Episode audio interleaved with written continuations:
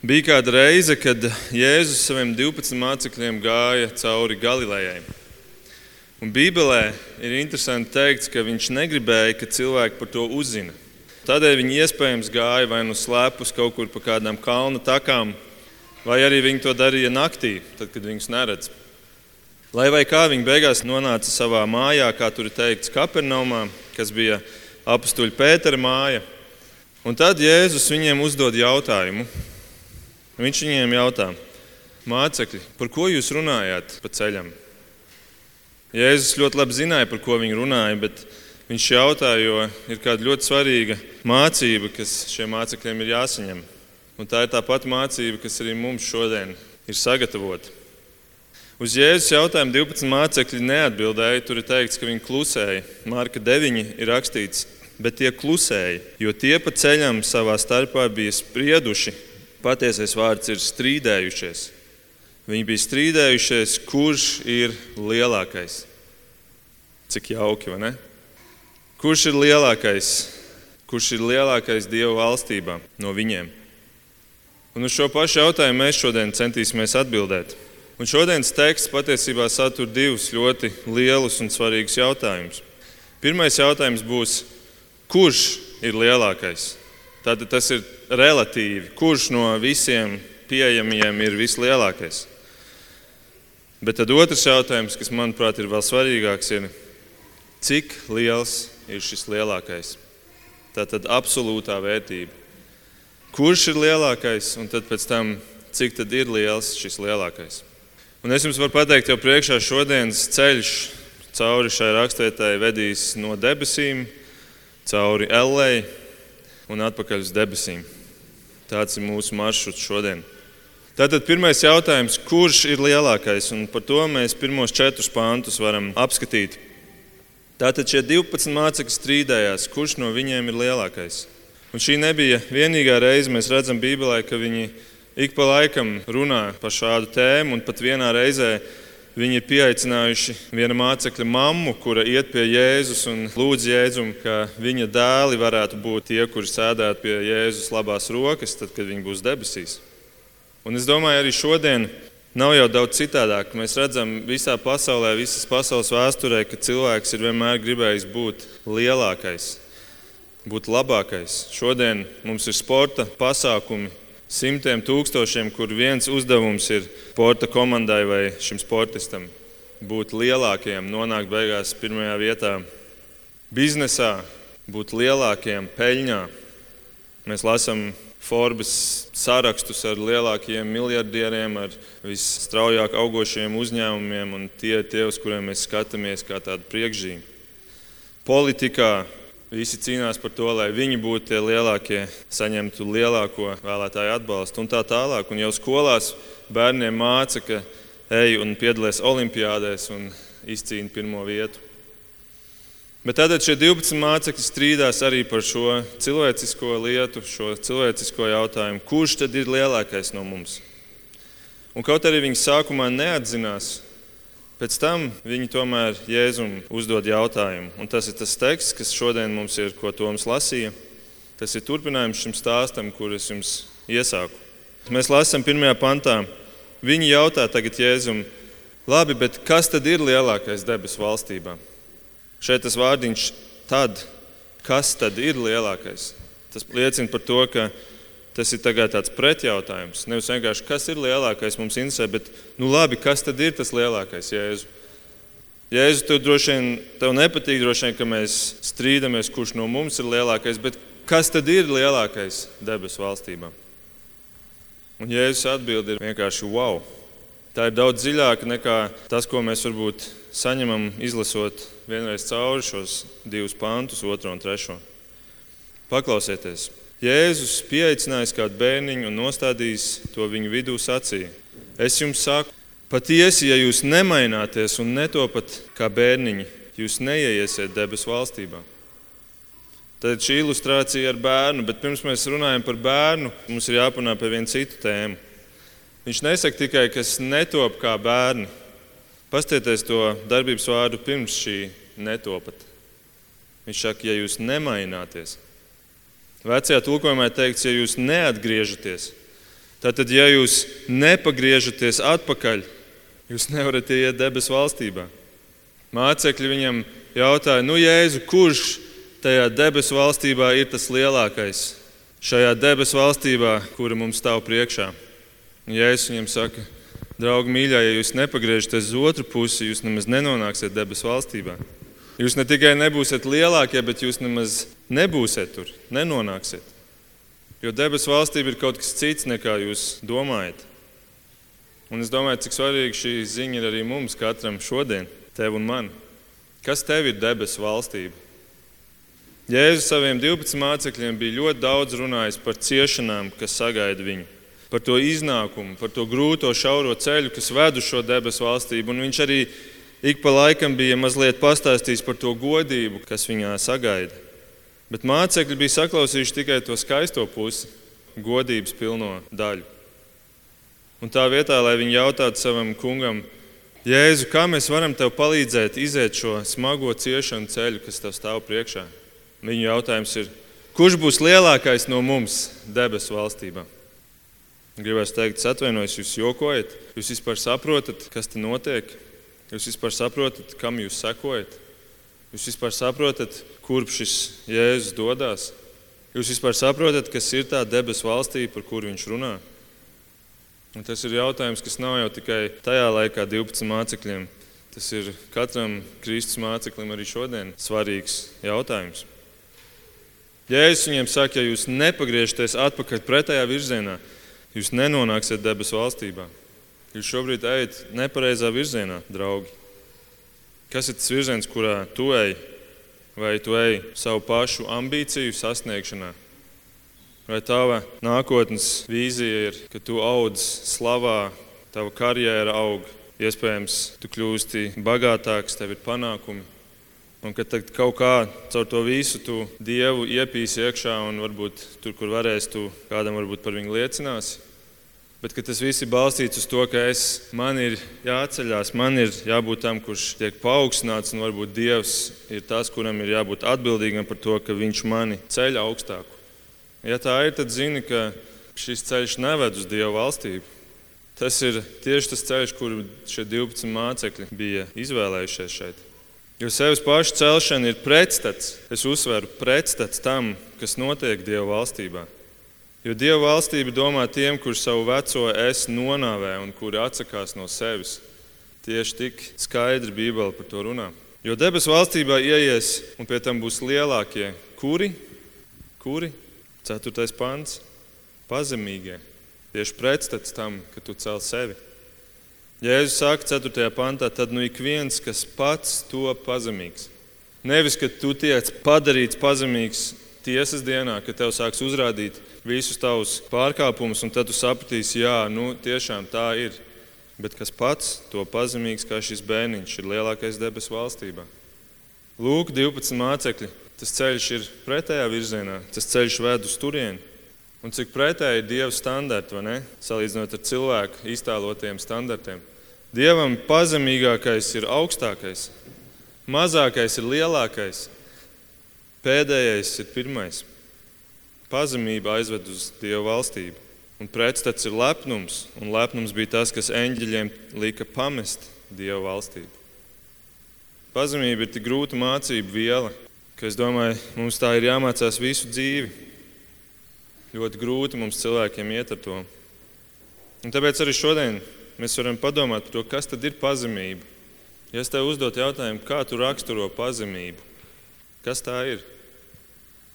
Es to šodien salīdzinu ar bērnu, kādā ziņā bērns ir pazemīgs?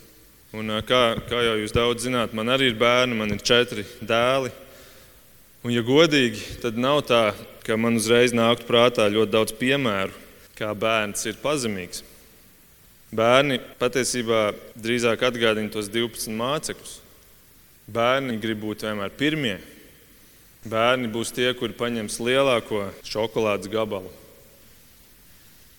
Bērni gribēs dabūt lielāko skaitu, tad, kad būs brīvi pieejams konfekts kādā bļodiņā, piemēram, dievkalpojuma aizmugurē tēma, ar kuru mums katru gandrīz svētdienu ir jāsaskarās. Bet tad, kas ir tā pazemība, kas, kas ir ieraugām bērnā. Un ir tāda viena izteikta lieta, kuru noteikti mēs varam minēt, un es ticu, ka tas ir tas, ko arī Jēzus šeit domā. Jo bērna pazemība atklājas viņa pilnīgajā atkarībā no vecākiem. Bērna pazemība atklājas viņa pilnīgajā atkarībā no saviem vecākiem. Un šī atkarība ir viņam pilnīgi dabiska. Mazs bērns nedomā par to, ka viņam pašam būs jārūpējas par dzīvi, ka viņam būs pašam jāpērk ēdiens. Viņš pat nedomā par to, ka viņam būs jāgatavo nopirktais ēdiens. Viņš nemaz nedomā par to, ka viņam būs pēc tam jānomazgā trauki, ka viņš būs apēdis šo ēdienu. Viņš nepērk sev jaunas drēbes, viņam nav jāuztur saimniecība, nav jāuztur māja. Mazs bērns pieņem par pašsaprotamu, ka par to parūpēsies mamma un tēvs. Viņi sagādās to visu, ne tikai vienreiz, bet katru dienu. Un, protams, ir izņēmumi, kurus mēs redzam arī, arī šajā, šajā laikā, arī Latvijā, kas ir traģiski izņēmumi, kad vecāki nepild šo. Bet šis ir tas, kā Dievs ir radījis, ka, ka bērnam vajadzētu uzaugt ģimenē, kurā viņš to visu saņem, kur viņš to pieņem par pašsaprotamu. Un tad tādā ģimenē bērnam pietiek ar to, ka viņam ir apkārt kāds, kas viņu mīl un kas par viņu parūpēsies katru dienu. Viņš nerūpējas par to, kā viņš tiks galā ar šo lielo dzīvi. Un šādu pašu pazemību Dievs sagaida no cilvēka. Pazemība ir, ka tu uzticies savam debesu tēvam, ka viņš parūpēsies par tevi, ka tev nav jāceļ sevi tagad priekšplānā, ka tev jāceļ savas ambīcijas, ka tev tavs nākotnes ceļš ir jānobruģē tā, ka tu izcīnīsies cauri šai dzīvei pats. 12 mācekļi gribēja būt lielākie. Katrs par sevi teica, jeb cerēja, ka viņš varbūt būs tas lielākais. Bet Jēzus saka, esiet kā mazi bērni, pazemīgi un pakļaujieties debesu tēvam. Un tad jūs būsiet nevienu debesu valstībā, bet tas skaistais ir tas, ka jūs būsiet arī lielākais debesu valstībā. Tas skaistais šajā tekstā ir, ka visi, kuri būs debesu valstībā, būs vienlaikus arī lielākie. Un Jēzus ir, manuprāt, vislabākais piemērs šai pazemībai. Pat viņš kā debesu tēva bērns parāda to, ko viņš te māca ar šo mazo bērnu, kuru viņš ir paņēmis sev nostādījis blakus. Mēs pat varētu teikt, šeit Jēzus māca par mazo Jēzu, kurš stāv viņam blakus, kurš ir vislabākā ilustrācija šai pazemībai. Jo Jēzus saka, piemēram, Jāņa 17. Viss, kas ir mans, ir tavs, un tavs ir mans savam debesu tēvam. Vai Jāņa 5. viņš saka, patiesi, patiesi es jums saku, dēls nevar pats no sevis darīt neko, ja vien tas neredz tēvu darām. Jo vienīgi to, ko dara tēvs, tāpat dara arī dēls. Lūk, kā viņš uzticās savam tēvam. Ko tēvs māca, to viņš dara. Un nākamajā pantā viņš pabeidz, jo tēvs mīl dēlu un rāda viņam visu, ko pats dara. Pat Jēzus uzticējās savam tēvam. Jēzus bija šāds pazemīgs bērns. Nu, lūk, tāds ir lielākais debesu valstībā. Šāds vismazākais, kā Jēzus viņu sauc, ir lielākais. Un ievērojiet, Jēzus to min daudzskaitlī, ka ik viens, kurš ir šāds, ir lielākais debesu valstībā. Mums nav jāmeklē viens, kurš kurš izceļas ar savām gara dāvanām. Mēs turpinājumā redzēsim, kādi ir šie vislielākie. Mēs esam nonākuši pie 5. panta, un līdz 10. pantam mēs varētu ļoti daudz vilkt ārā, bet es esmu izdalījis trīs lietas, kuras ir kā pazīmes tam, cik augstu ir celts tas, kurš ir lielākais debesu valstībā. Un pirmā lieta, ka Jēzus identificējās pats ar šiem vislielākajiem. Izlasiet 5. pantu. Jēzus saka, kas uzņem vienu šādu bērniņu manā vārdā, tas uzņem mani. Jēzus saka, ka šādam bērnam kaut ko dara, tas to dara man. Tātad savā ziņā pat pats Jēzus uztver visu, kas pret šo mazāko, jeb šo lielāko debesu valstībā ir darīts personiski. Bet ne tikai tas, izlasiet nākamo pāntu. Šī bija tikai tā pozitīvā puse visu šķietami labo, ko jūs darat kādiem šiem vismazākajiem. Jūs darat man, bet izlasiet nākamo pāntu. Sastajā pantā ir teikts, kas apgrēcina vienu no šiem mazākajiem, kas tic uz mani, un tad seko trakas lietas. Tātad Jēzus saka, šāds lielākais debesu valstībā ir daudz lielāks nekā jūs spējat iedomāties, jo viss labais un viss sliktais, kas tiek darīts šiem, tiek darīts pašam Jēzum. Jēzus to uztver personiski, ne tikai tās labās, bet arī negatīvās lietas. Tas ir līdzīgi tā kā mēs esam iestājušies NATO. Uh, NATO ir 5. pantā minēts, ka ja kāds uzbrūk vienai dalību valstī, tad tas tiek uztverts kā uzbrukums visām dalību valstīm. Savā ziņā mēs varam teikt, ja kāds uzbrūk mazajai Latvijai, tas ir tāpat kā uzbrukums lielajai ASV. Un tad notiek diskusijas par to, kā būtu, ja Latvijai uzbruktu. Vai nebūtu tā, ka pārējiem vienkārši pateikt, nu labi, nav vērts iestāties pretī un tādā veidā izjuktu visu NATO? Šīs cilvēciski veidotās organizācijas ir cilvēciskas un vājas, bet vispēcīgais Dievs ir tāds, kurš uztver to personiski. Un viņš pats par to iestājās. Tādējādi šie lielākie debesu valstībā ir savienoti ar Kristu, kā priekos, tā bēdās. Un te mēs varam nojaust, cik augstu ir celti tie, kuri ir lielākie debesu valstībā. Grūti ir to iztēloties un negribās pat to ņemt mutē, bet savā ziņā mēs esam tik augstu celti kā pats Kristus. Otrais piemērs, ko Jēzus min, ir soda bardzība. Un tagad mēs no debesīm kāpsim lejā, tumsas un nāves ielējām. Iesim lejā, ko sauc par elli. Jēzus no 6. līdz 9. pantam atklāja, cik bargu sodu sagaida, kuri apgrēcina šos dieva valstības lielākos, jeb cilvēku acīs mazākos. 6. pantā viņš saka, kas apgrēcina vienu no šiem mazākajiem, kas tic uz mani. Tam būtu labāk, ja tam uzkārtu dzirnakmeni kaklā un to noslīcinātu jūras dziļumā. Atkal jāsaka, wow! Jēzu, kādēļ tik skarbi? Kādēļ tik bargs sots? Vai tiešām tas ir tik traki? Un es domāju, mēs varētu neiet tālāk un apstāties šeit, un ar šo vien pietikt, lai aprakstītu, cik ļoti dārgi Dievam ir viņa bērni, cik ļoti augstu viņš ir viņus cēlis, cik ļoti lieli ir viņi debes tēva acīs. Jo Dievs šeit saka, ja kāds ko izdarīs manam bērnam, tam labāk būtu nomirt, nekā stāties pretī man, viņa tēvam. Vai jūs saprotat, ar ko jums ir darīšana? Šī nav nekāda krimināla filma, kurā tēvs aizstāv savu ģimeni. Šis nav kaut kāds romāns, šis nav kaut kāds izgudrojums. Šis ir tas, ko Bībele runā par saviem bērniem. Tik vērtīgs tu esi viņa acīs, tik augstu celts tu esi, ja tu esi Dieva bērns. Bet mēs neapstāsimies šeit, iesim tālāk, jo, jo te ir vēl, un es, es domāju, ka šī raksturvieta nav domāta tikai pazemīgajiem, bet tā ir domāta ar mērķi, lai padarītu mūs pazemīgus, lai parādītu, kas mēs esam. Jo Jēzus saka, ka tam, kurš apgrēcina vienu no viņa mazākajiem, ir labāk uzkārt dzirnakmeni ap kaklu un noslīcināt jūrā. Un es vēlos, ka mēs ieraugām šīs ilustrācijas smagumu Tāpēc mums ir jāzina kāda lieta par tālāku jūdu kultūru. Viņi ikdienā lietoja divu veidu dzirnakmeņus. Bija tas mazais, ko lietoja sievietes. Pārsvarā sievietes gatavoja ēst, un, un tad viņas mājās lietoja un paši spēja griezt šo dzirnakmeni, jo viņš bija mazs izmērā. Piemēram, Lūkas 17 ir minēts šāds piemērs.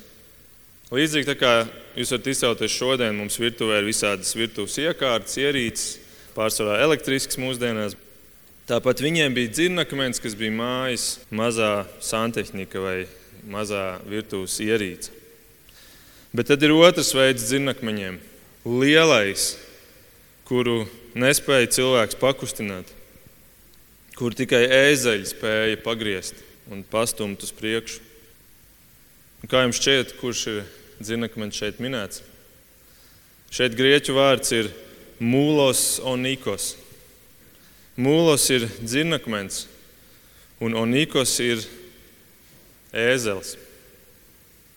Tātad, ja jūs sakat, kas apgrēcina manu mazāko, tam būtu labāk uzkārt lielo ēzeļu dzirnakmeni un noslīcināt to. Un es domāju, ka dzirnakmeņa izmērs viena atklāja šīs, šīs vainas smagumu. Bet ir vēl viena lieta, kas mums jāzina. Jūdiem bija bail no lielajām jūrām. Jūdiem bija bail no dziļām, lielajām, atvērtajām jūrām. Un, piemēram, atklāsmes grāmatā 21 ir teikts, ka debesīs vairs nebūs jūras. Jūs to esat pamanījuši? Tur ir rakstīts, tad es ieraudzīju jaunas debesis un jaunu zemi, jo pirmās debesis un pirmā zeme bija zudušas, un jūras vairs nebija. Un jūdam šo dzirdēt bija tik labi. Jūras vairs nebūs tur. Tā baigā, dziļā, tumšā, atklātā jūra. Galvenais ezers jau bija šaušalīgs, bet lielā jūra. Un paklausieties, ko Jēzus šeit saka uzkarināt dzirnakmeni ap kaklu un noslīcināt jūras dziļumā. Cik tālu ir jūras dziļums no Dieva valstības visaugstākā, vislielākā cilvēka? Jūs jūtat, cik nopietni Dievs uztver šo jautājumu? Elle ir pat vēl ļaunāka par jūras dziļumu. Jūra tikai nonāvē, bet elle moka mūžīgi. Un padomājiet, šādu sodu saņem tie, kur liek klupšanas akmeņus šiem dievu bērniem, šiem vismazākajiem, šiem dievu valstības visaugstākajiem. Un es jums varu pateikt, paskatieties pa labi un pa kreisi. Šie ir tie cilvēki, par kuriem Jēzus runā.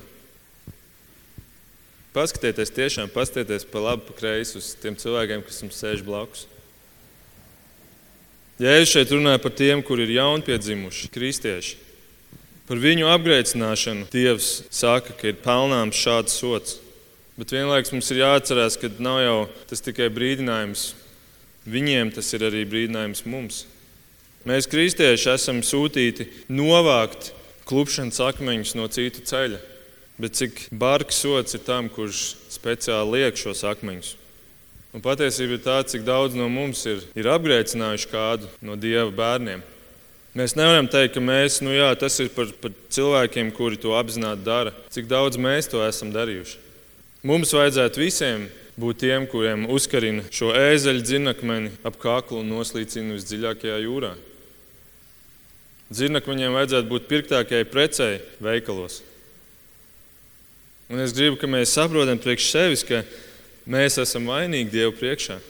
Ir simts un viena lieta, kur dēļ mēs esam vainīgi, bet šeit šodien tu nevari izvairīties no šī teksta. Un man nav jāmin, es domāju, daudz piemēru. Tas viss sākās apgrēcināšana var sākties jau ar to, ka tu aprunā kādu, ka tu ierauj sarunā otru cilvēku, kristieti, un tu sāc runāt par kādu trešo cilvēku, un tu viņu apgrēcini ar to. Tas varbūt ir tāds zemais līmenis, bet ir daudz smagāks lietas. Jūs katrs varat izvērtēt savu dzīvi un skatīties uz sevi. Un jūs atradīsiet, un es atrodu savā dzīvē. Mēs visi esam vainīgi. Un es vēlos, ka tu skaidri sev noliec šobrīd acu priekšā, ka jā, es esmu arī vainīgs šajā grēkā par šo pārkāpumu. Un tāpēc nākamie trīs panti ir domāti arī man. Septītais pants.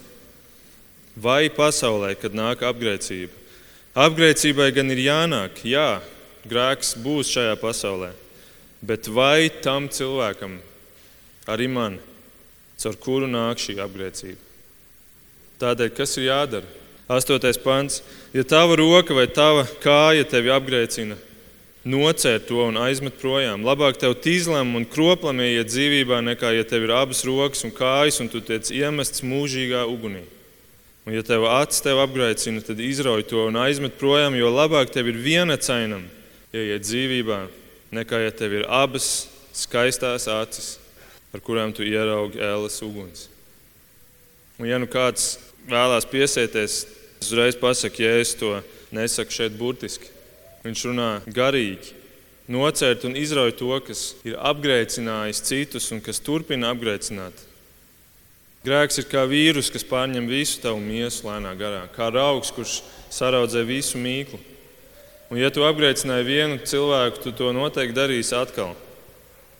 Tādēļ nocer to un izrauj un aizmet projām. Ne tikai nocer to un noliec sev blakus, jo varbūt kādu dienu tu izdomāsi, ka tev viņu tomēr vajag un tu viņu mēģināsi pielikt atpakaļ, bet aizmet to projām. Un tas atgādina vārdus no Mīkas 7, kur par Dievu teica, ka Viņš iemetīs jūras dzelzmē visus mūsu grēkus. Viņš aizmetīs projām. Bet viņš saka, dari tu to arī. Apturi to, neļauj tam izplasties. Un es domāju, tas ir domāts mums katram individuāli. Mums katram individuāli, bet tas ir domāts arī draudzē kopumā. Jo draudz ir Kristus miesa. Jā, tur ir tās rokas un kājas un acis. Un tāpēc šajā pašā nodaļā mazliet vēlāk Jēzus teiks, ko darīt ar cilvēkiem, kuri draudzē grēko. Ej vispirms runā ar viņiem zem četrām acīm, pēc tam pieaicina lieciniekus, ja viņi neatgriežas. Pēc tam vēd viņus draudzes priekšā, un ja viņi neatgriežas, tad izslēdz ārā, griez nost. Tas varbūt mūsdienu liberālajā sabiedrībā liekas kā cilvēku tiesību pārkāpums, bet Jēzus to māca darīt. Jo grēks samaitās visu. Un tas sāks bojāt pašus kristiešus un draugus, un tas bojās visu liecību par kristietību pasaulē. Un cik ļoti tā ir jau sabojāta. Grēks nenocirsts un neizrauts atnesīs Dievu bargo sodu un ievērojiet, kas ir šis sods. Jēzus 8. pantā saka, mūžīgā ugunī. Mūžīgā ugunī. Paklausieties, kā Bībele vēl runā par šo elli. Daniela 12. viņi to sauc par mūžīgu kaunu un negodu. Atklāsmes grāmatas 21. nodaļā - degošs uguns un sēra ezers. Matei 25. mūžīgā sodība. 2. Thessaloniķiešiem 1. mūžīgā pazušana, nošķirtība no dieva un viņa varenās godības. Jūdas vēstulē mūžīgās uguns tiesa un visdziļākā tumsa uz mūžiem. Un Jēzus 66. tārps, kas tos grauž, nenobeigsies, un uguns neapdzesīs. Tie būs biedinājums visiem dzīvajiem. Un atklāsmes grāmatā 14. Tas dzers dieva dusmu kvēles vīnu, kas ir neatšķaidīts, un ir ieliets viņa dusmu traukā. Tas tiks mocīts ugunī un sērā svēto eņģeļu un jēra priekšā, un mūžu mūžos kāpj augšu šo cilvēku mocību dūmi. Ne dienu, ne nakti nav miera. Elle. Šī elle ir mūžīga, jo viņa ir ārpus laika. Dievs dzīvo ārpus laika, un, un viss Dievam ir mūžīgs. Jēzus 9. pantā šo pašu elle apraksta kā elles uguni. Šeit viņš ir izmantojis vārdu gehenna. Un Gehenna ir Jeruzalemē ielēja, kurā agrāk vecajā derībā Izraels upurēja bērnus Alkdievam Moloham. Un tādēļ vēlāk tā kļuva par atkritumu izgāstuvi, kurā tika dedzināti atkritumi dienu un nakti. Tur tika mests viss, kas ir liekas, viss, kas vairs nav vajadzīgs, viss, kas ir nederīgs. Un šis Gehennas degošais atkritumu kalns ir brīdinājums cilvēkam, kurš ir liekas, kurš ir nederīgs, kurš liek klupšanas akmeņus ceļā citiem. Un es ceru, ka mēs redzam, ka mēs esam starp tiem, kur ir pelnījuši šo. Un tad ir tas jautājums, kas tad mani var glābt no šī mūžīgā tārpa, no šīs atkrituma kaudzes. Un, draugi, jums ir jāzina atbildi uz šo jautājumu. Un jums jūsu dzīves jēga ir saprast šo jautājumu. Kas ir atbilde? Atbilde ir, ka Jēzus caur savu vietniecisko upuri spēja tikai atrisināt šo jautājumu. Vietnieciskais upuris nozīmē, ka viņš ir nodzīvojis dzīvi bez šiem grēkiem, un viņš tev dod savu bezgrēcīgo dzīvi un paņem tavu grēka pilno, aptraipīto dzīvi. Viņš ar šo tavu dzīvi gāja Golgātā un samaksāja par to, lai tu varētu stāties Dievu priekšā ar bezgrēcīgo. Savā ziņā viņš ir ne tikai tas bērns, kuru viņš ņem šeit un rāda kā pazemīgo. Viņš ir tas, kurš uzņēmās šo ēzeļu dzirnakmeni uz sevi un gāja labprātīgi nogrimt šajā visdziļākajā jūrā, lai tas nebūtu jādara tev.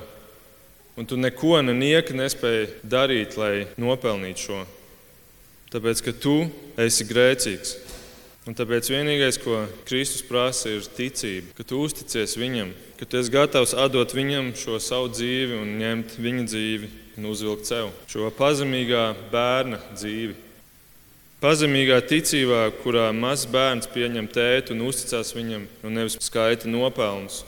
Un cenšas katru dienu nopelnīt to, ka viņš drīkstēs dzīvot šajā mājā un drīkstēs ēst no galda, kas ir likts, un drīkstēs gulēt savā gultā. Redziet, šodienas teksts dod mums šo izvēli. Vai tu gribi būt nolādēts Gehenā, vai tu vēlies būt svētīts Dieva valstībā? Ir tikai divi ceļi. Tas viens ceļš, kuru mācekļi bija noskatījuši, tas platais ceļš, pa kuru iet tik daudz, viņš patiesībā ved uz Gehenu.